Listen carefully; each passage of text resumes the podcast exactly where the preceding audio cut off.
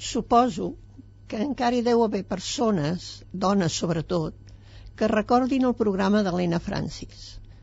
Doncs bé, a aquestes alçades de la meva vida, jo he escrit un llibre, un llibre titulat Estimades amigues, sobre la meva experiència personal en un període de la meva vida en què m'hi vaig veure implicada. Era un programa fet a mida per als temps que corrien, temps de dictadura, de repressió i de pecat que moltes dones escoltaven per motius molt diversos. Però la meva història, la que jo explico, desvela un aspecte ocult d'aquell programa radiofònic.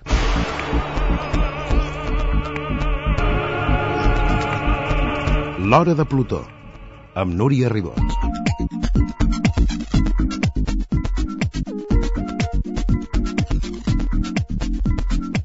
Hi va haver un temps en aquest país en què si una dona denunciava una violació, se li deia que alguna cosa devia d'haver fet. Era un temps en què els assassinats masclistes d'avui se'ls deia crims passionals i en què les dones passaven d'estar sotmeses a la disciplina del pare a estar sotmeses a la disciplina del marit. Ni el carnet d'identitat no et podies fer sense el seu permís. En aquell temps, no tan llunyà, moltes dones no trobaven un altre lloc on demanar consell i consolar-se que el consultori d'Helena Francis.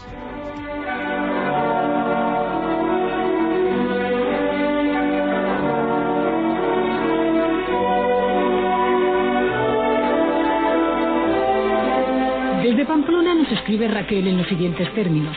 Estimada doña Elena, es la primera vez que acudo a su consultorio para solicitar ayuda. Soy una chica de 23 años y voy a contraer matrimonio en breve. Mi novio y yo somos personas sanas y fuertes, pero me preocupa el hecho de que mi novio tiene un pariente lejano que es subnormal. Mi querida Raquel, existen algunos controles que en la mayoría de ocasiones pasan inadvertidos para los padres y es conveniente, como mínimo, conocerlos.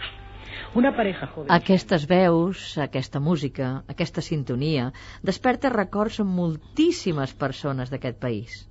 El consultori responia cartes que enviaven els oients, normalment dones, amb problemes de caràcter sentimental. Però no totes les cartes que rebien es responien per antena. N'hi havia que, per la seva dura temàtica, no es radiaven, però igualment es responien personalment. L'encarregada de respondre-les era la nostra convidada d'avui, Pietat Estany. Hola, Pietat, molt benvinguda. Hola, bon dia. Ah, la public... ah, ah, deies al començament que acabes de publicar aquest llibre, Estimades amigues, on s'explica realment aquesta experiència que molta i molta gent d'aquest país recorda. Eres una mica l'Helena Francis a la ombra, que això no ho sabíem molts, perquè els que escoltàvem la ràdio, jo recordo aquest consultori, no sabíem que hi havia una segona part. És clar, no, no se sabia, efectivament, però això estava fet expressament.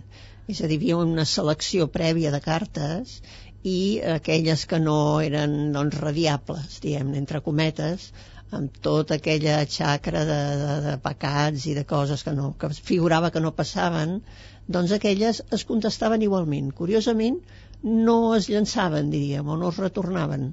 Eh, es contestaven per correspondència i a mi em va tocar doncs, fer aquest paper.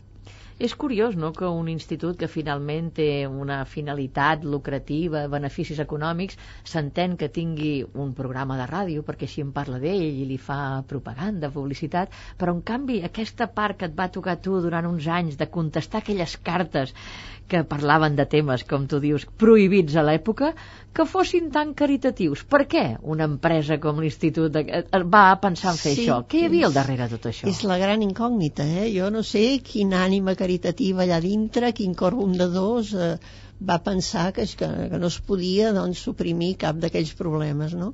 I van optar doncs, per prendre aquesta... Jo, la realitat és que no, no vaig entrar mai en les interioritats de, de, de, que hi havia darrere d'aquelles persones que em donaven una feina i que jo la feia i ja està, no? Però és una pregunta difícil de respondre en el sentit que no encaixa massa Uh -huh. en què exactament el programa no era més que un gran muntatge publicitari. Exacte, i aquí hi ha com un cert altruisme entre cometes, tot i que, clar, si una senyora o un senyor, jo poso que la majoria senyora rebien a casa una resposta, la veritat és que quedaven enganxats amb aquella senyora Sí. i el seu institut. Sí, això va quedar ben demostrat, eh? D'això en tinc proves jo. En tens proves? Doncs sí, perquè contestaven, és a dir, hi havia les assídues, eh? Uh -huh. És a dir, rebre una carta, és clar, a veure, has d'entendre una mica qui rebia aquelles cartes, dones aïllades del món, dones absolutament, bueno, amb, una, amb, una, amb el pes d'una desgràcia sobre que, que no podien pràcticament ni respirar, no? I t'explicaven allò com un secret de confessió, tu els hi feies una carta llarguíssima, vaja jo, una carta llarguíssima, miraves de tranquil·litzar-les, no sé ni com, els donaves molt d'efecte i clar, al final els deies i sempre que ho necessitis, necessitis desfogar-te, escriu-me.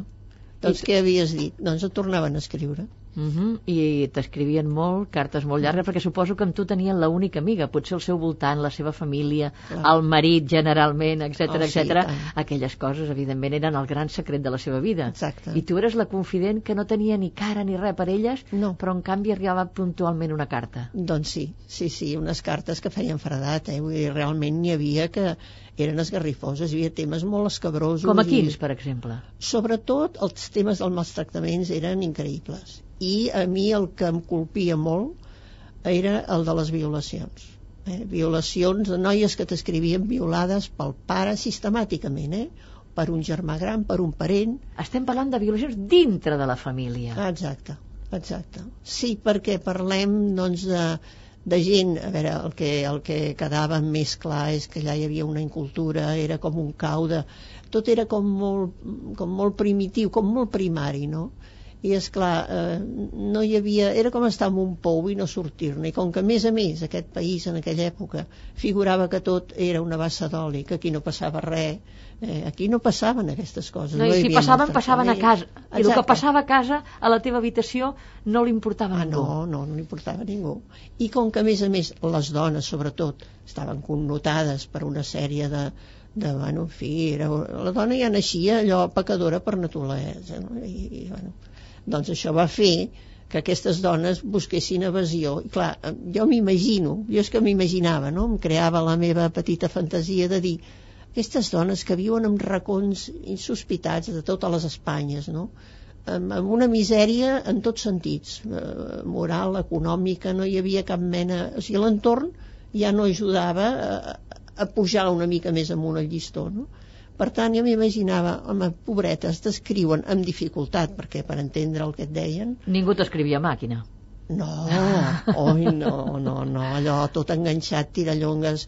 Passa que al final ja veia una mica de què anava la cosa i vaig agafar rodatge, però al principi va ser horrorós, perquè és clar, però llavors veies l'esforç, pensava, quin esforç no ha hagut de fer una persona que amb prou feina sap escriure per explicar-te tot això tan íntim Perquè i tan era una època de secretisme, inclús amb la família I i amb els tant, amics, i això i era una tant. vergonya. Era una vergonya. Era una vergonya, i clar, que s'atrevissin a enviar-lo a una desconeguda total com tu, que ells no sabien ni que eres tu, evidentment, era la No, la senyora Francis, Francis, no? sí. La senyora Francis realment haurien d'estar en un moment de desesperació sí, total. Sí, és clar, per això jo entenia molt bé que allò de rebre una carta, que jo deia, potser mai de la vida n'han rebuda cap, potser mai ningú els ha escrit, i una carta personalitzada només per elles, era, es va crear com una tranyina, diríem, allò de eh, d'aquests secrets entre tu i jo, dues amigues, no? això no surt d'aquí, però perquè és que no podia sortir d'allà. És, que, és que si els hi deies anem a denunciar, Ah, això és el que has a dir, comentat, no? és el que anava a dir, No hi havia denunciar. divorci, no hi havia, vull dir, què dius, on vas? Vas al capellà i a sobre et fa confessar, és que és clar. I alguna cosa hauràs fet malament, Oh, això segur, la que Guàrdia provoques el teu marit. Civil. I tant, la Guàrdia Civil, sí, era, vull dir, això és cert, eh?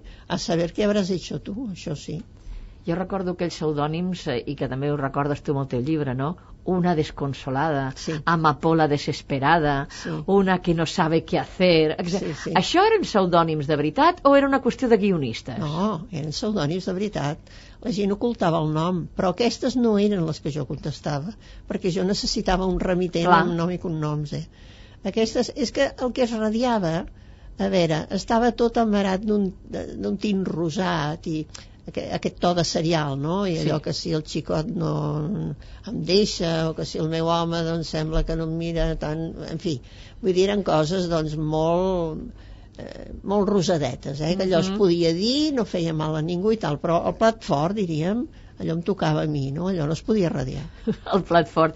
Però Esclar. resulta que aquest plat fort el vas aguantar fins que va acabar aquest consultori, que va ser l'any 84. Por- Per tant, portàvem ja eh, 9 anys de democràcia, eh, transició. Es va notar des de la mort de Franco fins als últims temps del consultori les preocupacions? Perquè ja també a partir del 81 existeix un divorci. Vull dir que les coses, clar, que les coses no, a Sí. vegades, per molt que hi hagin lleis, la gent tampoc reacciona tan ràpid. Però es nota la transició amb les cartes de les dones? Jo no ho vaig notar. No. Jo no ho vaig notar. És a dir, jo vaig agafar eh, la mort del dictador, diríem. Clar, llavors va venir una transició que ens va arribar a tots allò amb lentitud, diríem, no? A l'antic, perquè clar, això no va canviar d'un dia per altre. Clar, si nosaltres, que més o menys, dic nosaltres, no? ja ens entenem, vivim en un món, doncs, doncs eh, normal, per dir-ho així, aquestes, aquestes dones que vivien aïllades de tot, pensa que era una època no hi havia televisió, que, que es guardaven el secret, vull dir, el seu patiment i tot, vull dir, a veure, sempre hi ha la gent desfavorida, jo sempre ho dic, vull dir, l'estat del benestar sí, en parlem molt, però sempre hi ha una franja de gent que queda al marge de no. I aquestes dones, evidentment, no els va arribar això, eh? no els va arribar.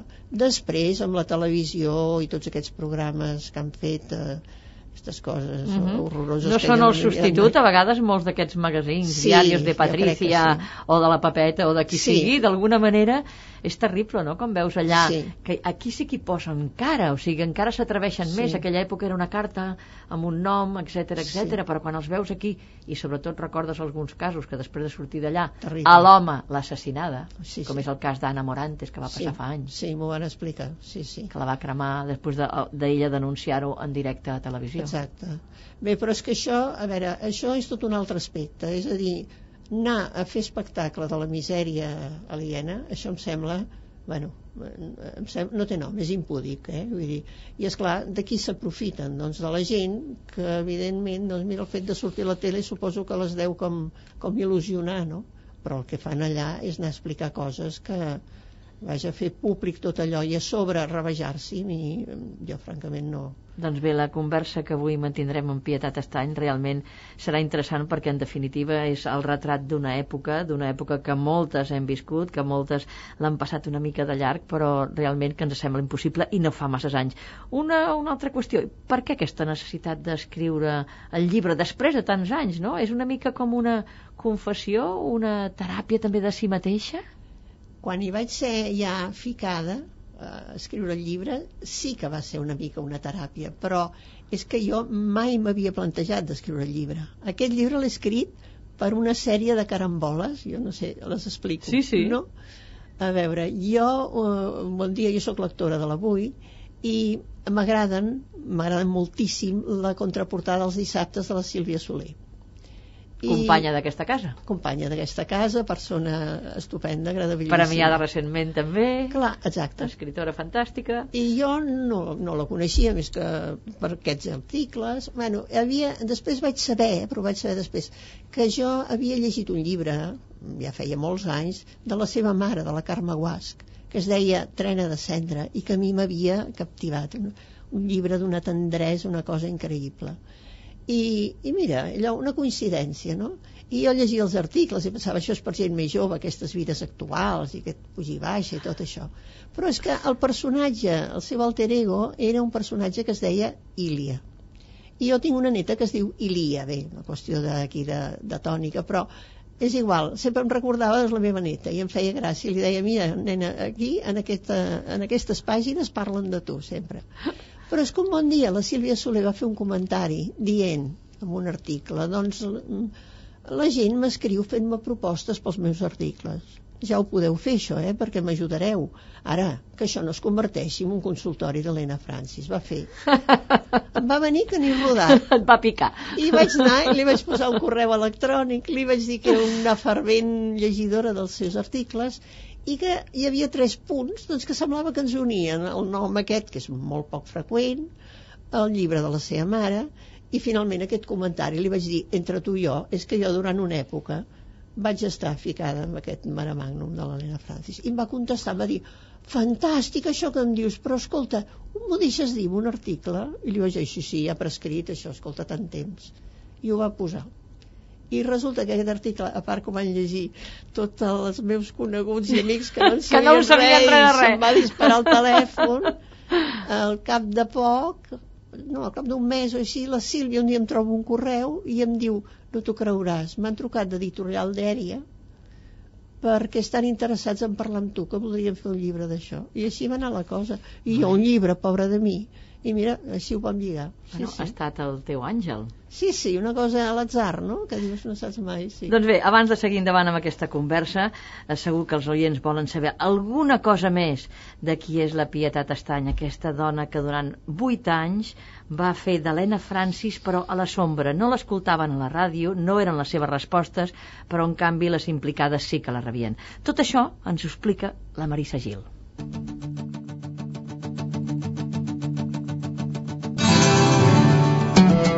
La Pietat Estany va néixer l'any 1937 a Barcelona. És llicenciada en Filologia Catalana, una carrera que va començar amb 55 anys i que va acabar als 59. I és que la Pietat, a mesura que ha anat fent anys, ha anat veient com s'acomplien les seves aspiracions intel·lectuals i professionals. Si de jove només va poder estudiar comerç i de seguida es va posar a treballar en aquest camp fins que es va casar, ja de gran i amb els tres fills més que criats, va poder matricular-se a la universitat, gairebé al mateix temps que aconseguia aprovar unes oposicions i passava a ser funcionària. L'eclusió final, la que l'ha portat a sovintejar estudis de ràdio com aquest i fins i tot platós de televisió, ha estat la publicació del llibre Estimades amigues, on explica la seva experiència com a Helena Francis a l'ombra. A més d'estudiar filologia, la Pietat Estany ha fet tota mena de cursos i cursets, però mai es va interessar per treure's el carnet de conduir, així que sempre es desplaça en transport públic o es fa acompanyar pel seu marit, de qui diu carinyosament que és el seu xofer. Des de fa 4 anys necessiten més que mai dels seus serveis perquè ara viuen a Cursà, al Baix Empordà. Els estius de la seva infantesa els va passar en aquesta zona del país i per això no va dubtar a traslladar-s'hi quan va arribar el moment de la jubilació. La Pietat té signe zodiacal de peixos, igual que el seu home, encara que l'astrologia no li interessa gaire. Molt més interès desperta en ella la literatura, sobretot d'autors catalans com Jaume Cabré, Jesús Moncada o Mercè Rodoreda. Encara recorda amb emoció la lectura de L'Home, el primer llibre que va caure a les seves mans d'aquesta autora. L'últim llibre que ha llegit La Pietat se'l va comprar ella mateixa. És La nit de l'oracle de l'autor nord-americà Paul Auster. Pel que fa a la música, es declara fervent admiradora d'en Raimon i també l'entusiasma a la música clàssica. No es baixa res d'internet, sinó que compra els CDs a la botiga. L'Adagio del Binoni ha estat la seva última adquisició.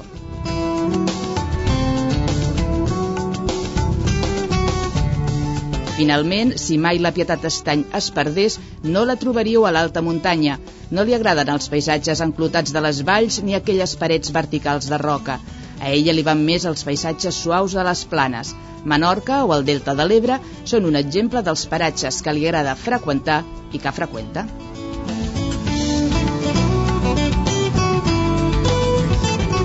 L'hora de Plutó. Pietat Estanya ens acaba d'explicar el per què ha escrit aquell llibre, com la Sílvia Soler la va convèncer, tota aquesta petita història, però segur que els oients volen saber i per què aquesta dona va començar a contestar cartes? Com li va sortir aquesta feina? Aquesta feina em va sortir en una època en què jo era allò, sus labores, mestressa de casa, sí, total. I el que tocava, perquè jo sóc un producte d'aquella època, no?, per tant, jo, quan em vaig casar, vaig deixar una feina boníssima que tenia, perquè, clar, els cànons deies que t'havies d'estar a casa, cuidar fills, tenir el marit content i, i mantenir la casa en ordre, no? I ho vaig fer, vull dir, vaig ser complidora només.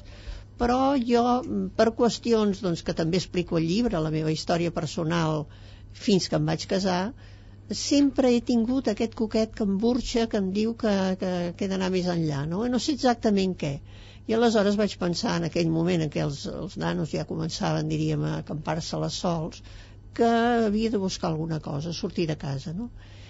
Eh, bé, i mirava els diaris, mirava els anuncis, però en aquella època tot el que sortia per les dones era doncs allò costurera o, o coses manualitats que jo en sóc negada total no? amb la qual cosa un dia vaig veure un anunci que em va intrigar molt que deien li agrada escriure? I això m'agrada. Eh, li preocupen els temes socials? M'encanta. Vull dir, i, i vaig pensar vés però vaig pensar que li de, deuen demanar un nivell altíssim de, esclar, un currículum que jo no tenia. Però m'hi vaig presentar. I allà amb una pila de dones esperant ens van fer unes entrevistes, bueno, em van fer una entrevista llarguíssima amb preguntes múltiples i variades. I vaig pensar van dir, bueno, vagi a casa seva i ja farem una selecció si un cas ja l'avisarem vaig pensar que havia perdut el temps però no, no, em van trucar i després ja seriosament una entrevista i em van donar la feina. Passa que jo no sabia quina feina fins a l'últim moment. Això és el que em sorprèn pel, pel llibre. Dius, no va preguntar no. de quina feina es tractava després no. de que les corcollessin d'aquella forma? Sí, perquè vaig pensar, home, mira, escriure no pot ser res dolent. A veure, no sé, a veure, ja ho veurem. No, no, jo mateixa hi vaig anar encuriosida, però la pregunta, la veritat és que no la vaig fer. I quan hi ha la persona que em va atendre al final de l'entrevista em diu, vostè coneix al consultori de l'Ena Francis em vaig quedar a pedra perquè des de no n'havia sentit parlar mai oh, tant sí, l'escoltava potser alguna de vegada de petita, però esclar, jo ja tenia una edat i esclar, des de l'any des de que jo bueno, si va començar l'any 47 aquest, doncs jo devia tenir uns 10 anys clar, i és que estava en l'ambient vull dir que allò hora sagrada de l'Helena Francis es paralitzava el país, com aquell qui diu eh? sí. els nens berenaven allà acabats d'arribar d'escola, tothom mut les dones allà planxant, i, però bueno, és que ploraven i tot, era, era realment un moment solemne, sí, sí. És sorprenent, suposo, per la gent més jove que no poden arribar a entendre la força de la ràdio en aquells anys. Sí, Pràcticament la tele no existia, quan potser va no, sortir no als 50 i pico, no existia, o, o, i quan va començar a existir, paral·lelament a l'Helena Francis, no totes les no. cases, era un producte caríssim a l'època, no? I tant, jo vaig trigar molt a tenir-la, i tant, sí, sí. No, jo sóc persona, a veure, jo, a més a més, és com una mena de, de premonició. Jo sóc persona de ràdio. Continua sent-ho? Sí, sí. O se l'han portat la tele? Eh, no, no, no. La tele, amb la tele sóc molt selectiva. I la ràdio també, però a mi la ràdio, doncs, eh, no sé, és una cosa molt meva. És que ja l'escoltava de petita, eh? Jo tenia un aparell de ràdio a la meva tauleta de nit, d'aquells tronadíssims, ho recordo, i l'escoltava. I jo sóc molt, molt, molt de ràdio. Uh -huh. El seu llibre comença, uh, vostè dient que té un deure amb elles, amb elles, amb aquelles dones que l'escrivien, amb aquelles dones amb les quals va establir una relació. Hi havia potser una mica, no sé si dir remordiment o què, realment heu de saber qui sóc? No, remordiment no. El que passa que com que jo arrossego també les, les rèmores doncs, d'una vida bastant difícil en els seus inicis, eh, em semblava que ja que m'havien demanat de fer aquest llibre, com començo jo ara, així d'entrada, no? Allò, no, em presento, em despullo, explico una mica les meves pròpies misèries i això m'acosta.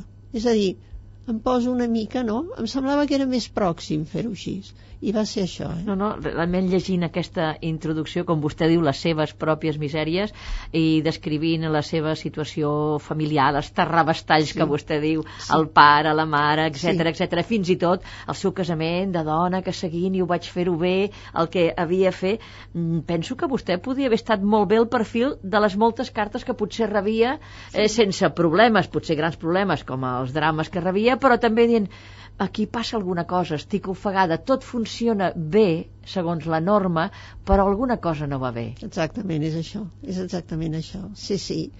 És a dir, eh, esclar, jo era, esclar, jo era un fruit més, vull dir que jo sóc d'aquella època, per tant, eh, havia de situar una mica la meva història que encaixava també perfectament, sense exactament aquests drames, eh, tot això no, perquè, clar, després jo ja em vaig casar, però sí que també seguia el guió marcat, eh, vull dir que, que una mica era això. El que passa que no, potser no tothom, jo el que tenia era molta inquietud de fer coses. Com que a mi m'agradava molt llegir, i vaig poder llegir, i doncs, bueno, la ràdio també t'aporta molt, si més no, et fa, et fa reflexionar, et fa qüestionar coses.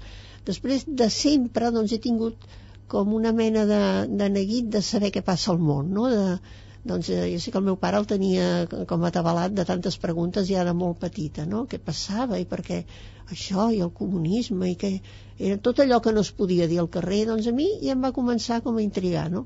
Llegir els diaris, molt aviat vaig començar a llegir diaris i tot això ajuda, suposo que és això, no? Si tens accés a una sèrie d'elements de, que t'ajuden a, a pensar, doncs, no? A, a veure les coses amb el pensament, no només a mirar-t'ho així amb els ulls, doncs, eh, no sé, et formes una mica interiorment, no? Uh -huh, uh -huh. Anem a aquestes cartes que realment és el cos de, del que era aquest consultori de la senyora Francis.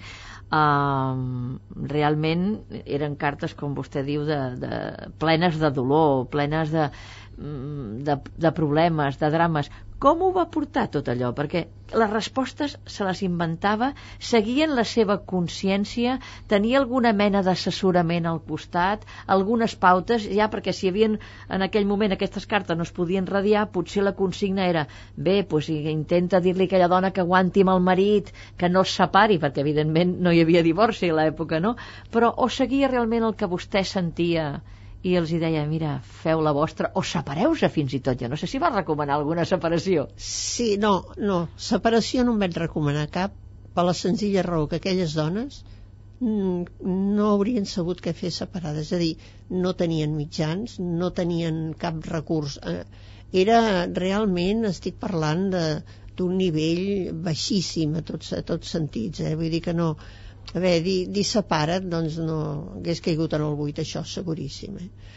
No, el que passa que, a veure, sí, sincera, vaig mirar de no agafar per res el patró radiofònic. O sigui, d'això vaig fer una altra mena d'Helena Francis. Com que allò quedava per escrit entre de tu a tu, vaig pensar que la hipocresia moral aquella no calia utilitzar-la, que era absurd i llavors vaig dir, dona'ls molt d'efecte. Jo sobretot el que els donava molt d'efecte.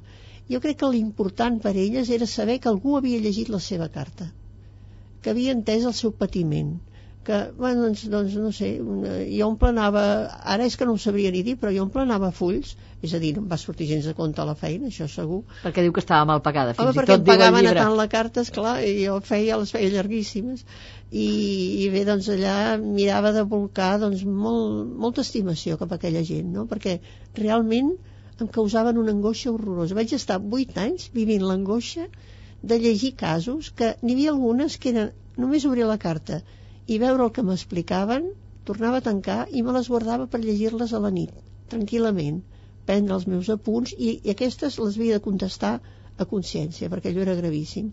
És a dir, em van com posseir, és una cosa que sembla una mica fora assenyada, no? Uh -huh. Però me'n vaig sentir tan responsable que jo no sé, potser aquella feina, si jo no hagués estat com fos, perquè també per la meva història doncs suposo que m'ha influït a ser molt, molt, molt sensible al patiment dels altres i, i doncs dir, escolta'm, aquesta feina no em convé anímicament, jo em malaltiré doncs la deixo i busco una altra cosa. Això no ho vaig fer mai. Mai. I aquesta angoixa la compartia amb algú? Amb el seu marit, per exemple? No. No, no. Mai amb ningú? No. Seria... Cap amiga molt propera? No, no, no. O sigui, va ser també el, el gran secret de la seva vida? I tant, i tant. No, no, jo, a veure, hi havia algú que sabia que, clar, inevitable, durant un temps l'amagues.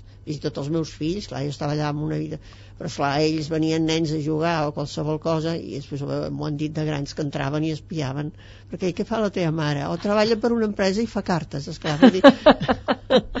no, el meu marit naturalment que ho sabia, però jo, no, aquestes angoixes no. Me les...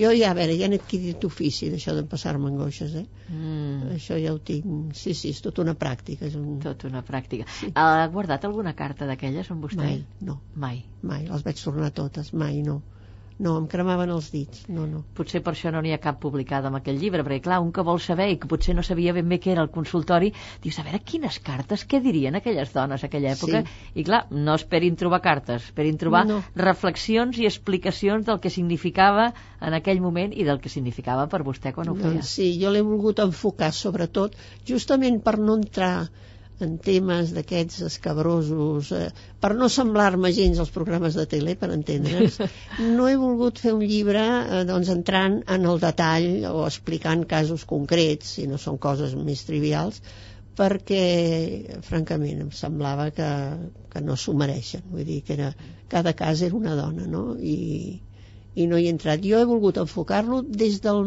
meu sentiment de com em vaig sentir jo aquells vuit anys no? Uh -huh. i fins que vaig plegar Vostè diu que li agraden molt els llibres i també la música. És una gran La fan música. del Raimon. ah sí, Sí. Sí. I ha escollit per escoltar avui Veles i Vents. Sí. Fem una pausa i escoltem el Raimon.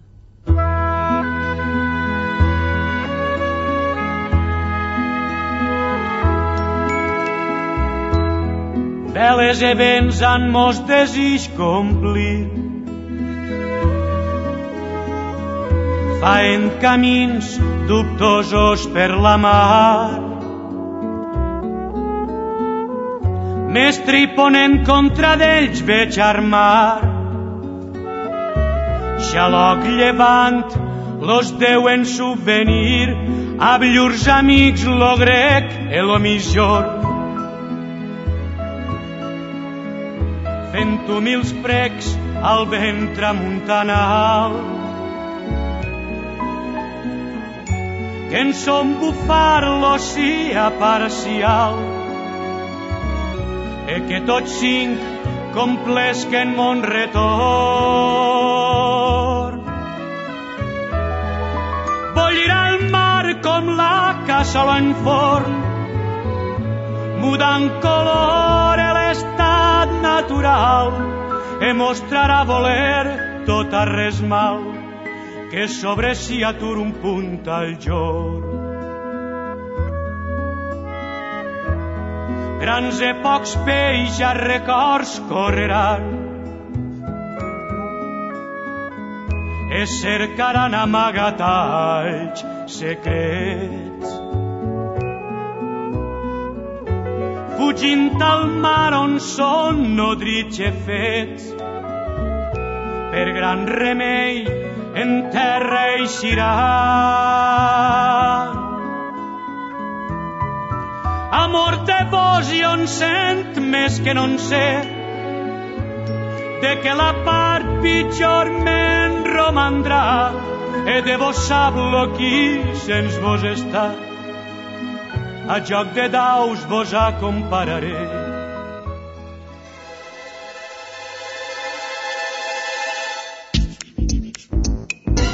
L'Hora de Plutó, amb Núria Ribó.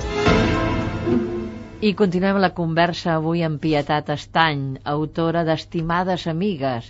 Estimades amigues, com ella s'adreçava en aquell, aquella època del 75 al 84, aquelles cartes que rebien moltes dones de diferents racons d'Espanya, amb aquell consultori de la senyora Francis, que molts escoltaven a la ràdio, i ella era, diguéssim, l'Helena Francis a l'ombra, aquelles cartes que, com ha dit al començament, parlaven de temes escabrosos, de temes que no es podien radiar, que haguessin passat la censura, ella les contestava dia a dia. Eren moltes les cartes que arribaven d'aquestes censurades?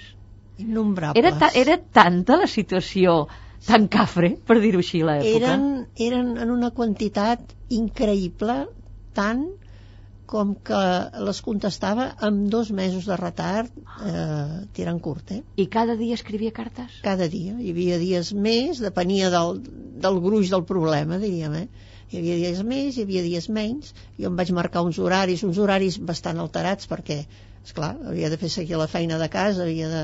Vull dir, dormia molt poc, tinc la sort de tenir insomni, amb la qual cosa podia aprofitar moltes hores, no? I la veritat és que moltíssimes cartes, eh? Però, però és que no podria dir el nombre, vull dir, Era un moltíssimes. programa que s'escoltava a tots els racons d'Espanya. I quina era la zona, les províncies, els racons que realment la dona ho passava pitjor? Jo, eh, si hagués de dir, potser diria per la part de Galícia. Galícia, aquests llogarrets de Galícia... Curiós, on hi ha un matriarcat i sempre s'ha parlat d'una dona forta sí, doncs, que porta eh, la tribu, d'alguna sí, manera. però jo recordo també, i això ara és una part, però ho recordo, que en l'època quan jo era mm, joveneta, eh, la gent que tenia minyones, la majoria eren gallegues i eren noies que havien quedat embarassades, i això sí que se sabia, i les havien fet fora de casa i venien a treballar aquí, suposo en altres llocs, potser a Madrid o així. I moltes Això sí. cases potser era el, el mateix amo. vés a saber, clar, ja havent llegit tot això, vés a saber. Però això és veritat. Després n'hi havia de Castella, d'Andalusia, moltes també, vaja, de totes les Espanyes, és que de tot arreu. Catalunya? No tant. També, però els drames aquests, o sigui, el morbo, per entendre'ns, no tant, no tant. Uh -huh. I cartes d'homes? Sí, Sí? sí. Passa Quin que era el perfil? Evidentment el eren molt menys homes, això Molts sí, menys. això és veritat. Però també contestava vostè cartes a homes? Ah, sí, sí, Sí. homes, eh, sí, tant i tant. Vol dir que exactament. també eren casos realment escabrosos Sí. que patien els homes? Com sí, aquí? a veure, no sé si dir-ne escabrosos, no. Eren casos com el tema, allò, el tema estrella de la homosexualitat. Prohibits. En aquest sí. cas, prohibits. Si ara encara no hem resolt aquest, aquest tabú, o no sé com dir-ne, que és una vergonya, doncs en aquella època és que se sentien tan i tan culpables, és que hi havia una inversió de papers que, que és, eh, és increïble, és indignant, vaja. I et senties impotent, no? Esclar, què li havies de dir a aquell pobre home o aquell pobre noi? Què li havies de dir? Doncs, doncs senzillament accepta tal com ets, no passa res. És que, clar, tot era pecat, és que era horrorós. Era una època fosca, fosca, i aquestes cartes queden encaixades en un retaule que, vaja, és perfecte, no? Vull dir que qui ho va pensar és ben bé que sí, sí, coneixia com, com havia de, de, de situar això perquè enganxés ben bé, perquè tot, jo diria que la majoria de gent doncs no sabien que passaven aquestes coses, no? I, i els enganxava al programa radiofònic però jo pensava, si sabéssiu tot això Aquestes cartes que no veu sí, ningú. i els homes doncs, bueno, va, hi havia tots aquells temes entre mig es colaven cartes que a mi m'anaven perfectes perquè era allò com dir un respir no? Mm, absolutament allò banals i de gent jove i enamoraments i moltes noietes des d'internats que ho feien d'amagat però els nois, doncs, eh, bàsicament era l'homosexualitat, eh? Uh -huh. Algun t'explicava els drames que hi havia a casa seva amb els seus pares, perquè hi havia, hi havia jovenalla, hi havia fills o filles que eren ells qui t'explicaven el que passava a casa, o sigui, no era la dona directament, però hi havia la dona que no sabia llegir ni escriure i la dictava amb una filla, t'escrivia la filla, eh? això també. Però d'homes sí, sí que n'hi havia també, o creu que a mi, perquè clar, la llengua ja, això ja no cal que ho aclareixi, no? Tot era en castellà, doncs, eh, que mi, mi marit, doncs, l'home que no l'estimava, o que no sé què, sí, sí, al revés. Eh, mi mujer, no, vull dir, el mateix, però, però al revés. El que passa que és, era diferent la manera com ho expressaven uns o les altres, eh? Aquí sí que també es veu una mica... Quina era la gran diferència? La gran diferència és que la dona, la dona, la dona sí que invertia el paper. La dona se sentia ella, que preguntava què hauré fet jo? O sigui, la pregunta aquella de la Guàrdia Civil, ella se la feia, que això era ja Terrible. allò, dius, és que no pot ser. Si jo li tinc tot a punt, si jo miro de fer tot, és a dir, la submissió a extrems eh, malaltissos. La víctima es culpabilitzava. Exacte, en canvi l'home no, l'home atacava directament, no? Penso que més infidel o que no sé què, vull dir, sempre hi havia aquell punt, això sí.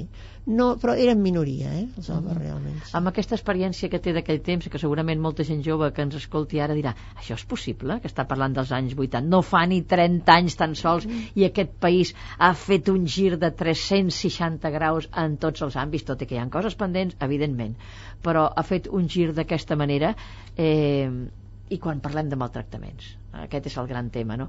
Mm, vostè que ha viscut aquella etapa aquella etapa de violacions a la família aquella etapa de maltractaments i que evidentment està al dia del que està passant al nostre país i al món, però al nostre país és una dona assassinada cada I tant. 4 o 5 dies aleshores sempre hi ha aquelles reflexions que es diuen està augmentant la violència contra les dones a la família i moltes diuen no, és que ara n'estem parlant i ho estem dient per la seva experiència, Sí. què creu? que està augmentant, que abans era pitjor?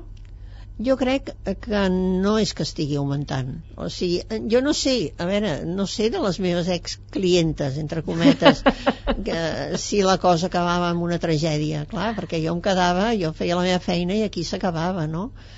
Però, a veure, augmentar, en tot cas jo diria que l'alliberament de la dona mm, l'ha portada a perdre la vida perquè sobretot en casos jo el que estic veient més o menys en casos de la gent que ve de fora és a dir, que, que no sé, sobretot potser, no sé, sud-americans diríem que és eh, més freqüent normalment, no? Que ets, ho veus pels noms, no? I penses que l'home, aquests homes, encara no accepten no? que la dona doncs, o treballi fora de casa, una sèrie de coses que aquí estan... La seva independència. Bastant... Exacte. Eh, jo penso que això, aquestes dones que busquen sortida, doncs, alliberant-se una mica i sent elles mateixes, eh, troben, en canvi, troben la mort. Vull dir, és com una paradoxa, no? És un alliberament que per elles no, no, no, té, no té un final bo. Eh? Ara, eh, en general, els maltractaments, eh, tota la vida, eh? Tota la vida. Tota Això és el que diuen vida. la gent gran i que ho ha viscut, diuen tota la vida, no és una cosa d'ara. Què és el que més ha canviat amb aquesta etapa que hem passat, diguéssim, de la dictadura a la transició i, evidentment, amb, un, amb unes eh, recuperacions de l'espai social d'homes i dones, tant d'homes com de dones, Sí. no? Què és el que més la sorprèn? La rapidesa que hem anat? Sí, la rapidesa que hem anat encara no hem arribat on hauríem d'arribar, eh?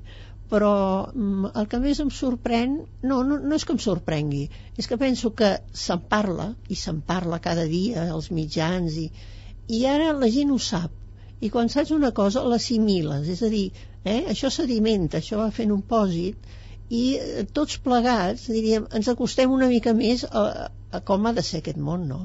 Vull dir, és una qüestió de justícia, no, no hi veig altra no hi veig altra resposta. Mm -hmm. Escoltem una mica més de música. Ha escollit a l'Edith Piaf, i ara que parlàvem de l'amor i del desamor, més Sí. aviat del desamor, escoltarem aquesta que ha escollit, que és l'himne de l'amor. Sí.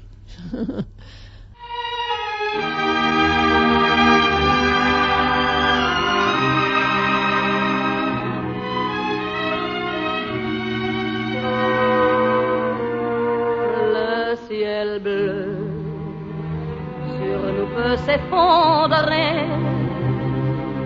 Et la terre peut bien s'écrouler. Je m'abonne si tu m'aimes, je me fous du monde entier. Tant que l'amour inondera mes matins, que mon corps frémira sous tes mains. Je m'abonne les problèmes, mon amour, puisque tu m'aimes.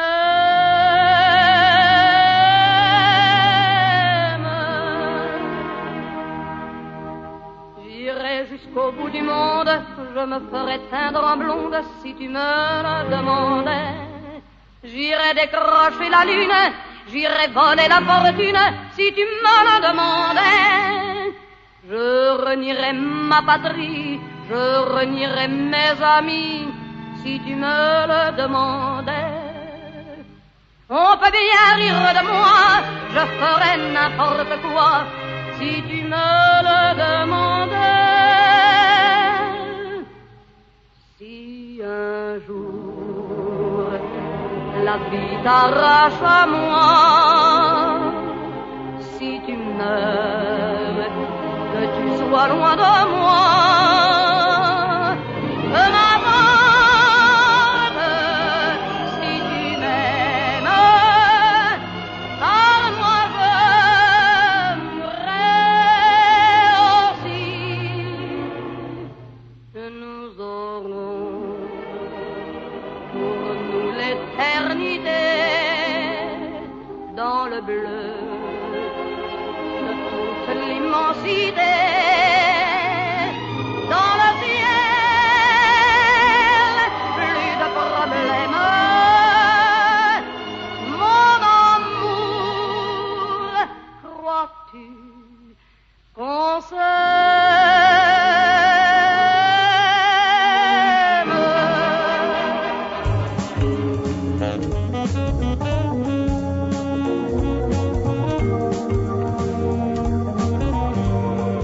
L'hora de Plutó.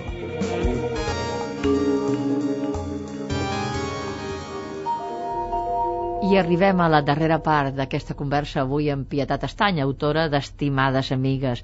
Estem parlant d'una època, estem parlant d'una època que retrata molt bé amb el seu llibre La Pietat Estany a través d'aquell consultori famós de la senyora Francis ella, com dèiem abans, el que feia eren aquelles altres cartes que precisament per ser d'aquella època no passaven la censura. Era realment eh, esbrinar com es vivia en aquesta societat i ella mateixa, quan ens ho explicava ara, ho recordava com, com posant la pell de gallina, ho dir, com es pot viure així, com han canviat les coses, no? Realment, entrar com vas entrar a les seves vides entre cometes, és un privilegi, no? Vull dir, com una, un treball de sociologia de camp, no? Sí, sí, jo amb, realment ho considero molt important. És que a mi, a veure, m'ha portat a fer moltes reflexions, vull dir, a mi també m'ha ajudat això, perquè del bo i del dolent sempre en traiem alguna cosa, no?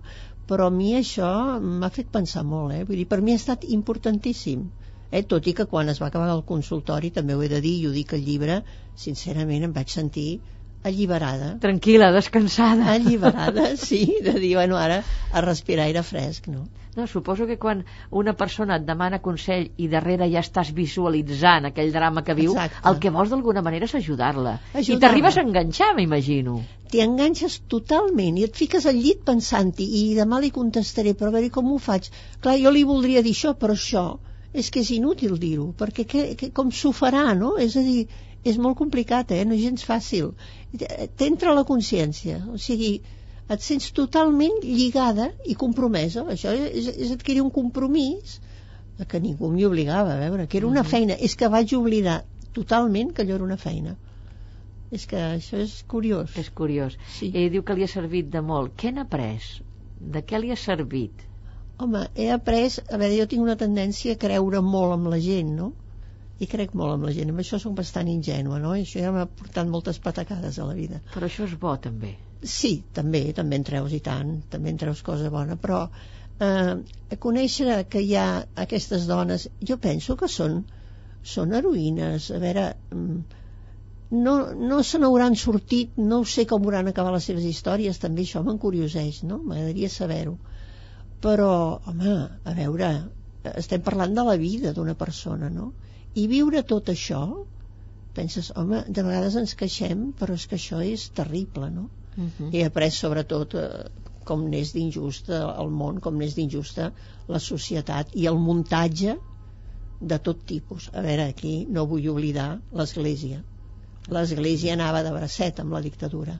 Per tant, tot aquest entramat i aquesta, aquesta enganyifa, aquesta estafa que ens van fer, a mi també me la van fer, aquesta estafa d'enganys i, de, i de pecats i de, i de viure amb la por, perquè viure amb la por sempre, permanentment, vol dir viure en la inseguretat.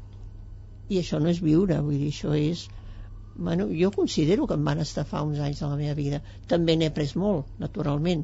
He mirat de treure'n tot el suc possible, però considero que era un temps d'estafa. Uh -huh. Suposo que moltes dones de la seva generació pensen això, però no tenen, diguéssim, aquest privilegi d'haver-ho pogut verbalitzar, explicar, eh, fins i tot posar-ho en part d'un llibre sí. i sobretot fa aquesta, aquesta, això de teràpia no? ha, ha conegut alguna de les seves clientes perquè si durant un temps va ser un secret evidentment un secret per tothom el llibre ha sortit al carrer eh, es va començar a parlar se n'està parlant molt perquè tothom té curi està encuriosit no? per, a, per aquella etapa és possible que molts pensessin ah, mira, és ella la que em va contestar carta. S'ha trobat en alguna situació o fins i tot alguna carta o coneix alguna d'aquestes persones? Hi va haver un cas i l'esmento al llibre perquè em va semblar que al mig de tanta tragèdia, per amorosir una mica, vaig pensar, mira, d'aquest, no dic noms, naturalment, sí. però bueno, hi va haver un cas, que és, que ja dic, que és anecdòtic, d'una veïna de l'escala que va escriure doncs, explicant el seu problema matrimonial, el seu problema d'infidelitat, clarament, no? Se sentia incòmode amb la seva infidelitat, no?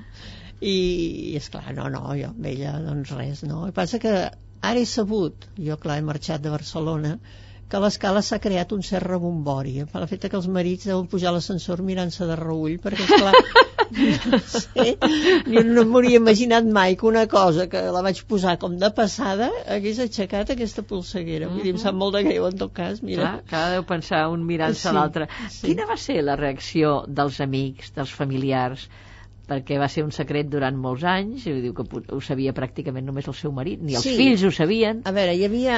i suposo fills- que diuen, eres la nena Francis? Sí, vaja, que la broma la tinc ja adjudicada per sempre. No, a veure, sí que ho sabien amics i allò, sabien que feia aquesta feina, però entrar en el detall o, o, no sé, o ensenyar una carta, no, això no. eh, La concreció d'un cas, no, això no, no va arribar. Que jo feia això, ai, sí, clar, que curiós, i què? Doncs, mira, cartes que no les redien, i... però no, no anava més enllà, eh, no. I a casa, bueno, ja ho sabien que havia màxima discreció, vull dir... Mai ningú es va quedar No. allà absolutament com pot ser tot això. Sí, no, el que passa és que després, eh, com que jo quan vaig acabar el consultori vaig, vaig llançar allò al carrer i vaig, anar, vaig treballar a molts llocs, doncs eh, aquí ja no em vaig parlar mai més. I ara quan ho han sabut, doncs excompanyes de feina, gent que em coneixia, oh, això no ho sabia, bueno, Mhm. és una etapa de la meva vida i ja està. Diu que quan va acabar el consultori, i estem acabant ja pràcticament aquesta conversa, es va quedar tranquil·la, diguéssim, d'alguna forma es va treure un pes de sobre. I com va ser aquest final, diguéssim, aquest- d'aquesta relació amb l'empresa, d'alguna manera? Doncs va ser com una, una mort així paulatina, eh? Jo ja feia un, un parell de mesos que notava que la, les cartes anaven de baixa, que cada vegada me'n donaven menys, i sí, sí, efectivament, un dia que vaig anar a lliurar la feina, eh, la noia que me la recollia va dir malament, i, i, bé, evidentment era ja la- l'aparició de- d'aquests programes de televisió, que s'hi venia bastant... Eh? En paral·lel. I sí, i ja no tenia massa sentit. Eh, el programa perdia, el programa quedava bé en aquella, quedava bé eh, en el sentit que, que vull dir que formava part de, de tota la història aquella de, de, de repressió, quedava bé, per què? Perquè era exactament això, no? Però, les coses van anar canviant. però les coses van anar canviant, no? Per tant, jo, eh, bueno, eh, vaig dir, bueno, si s'acaba, s'acaba, i aquí, aquí doncs, passi-ho bé i ja està. I aquesta conversa, que ha estat un plaer, també Sí. s'acaba, Pietat Estany. I acabarem amb una altra peça que ha seleccionat, que és el Va Pensiero, el cor del tercer acte de l'òpera Nabucco de Verdi.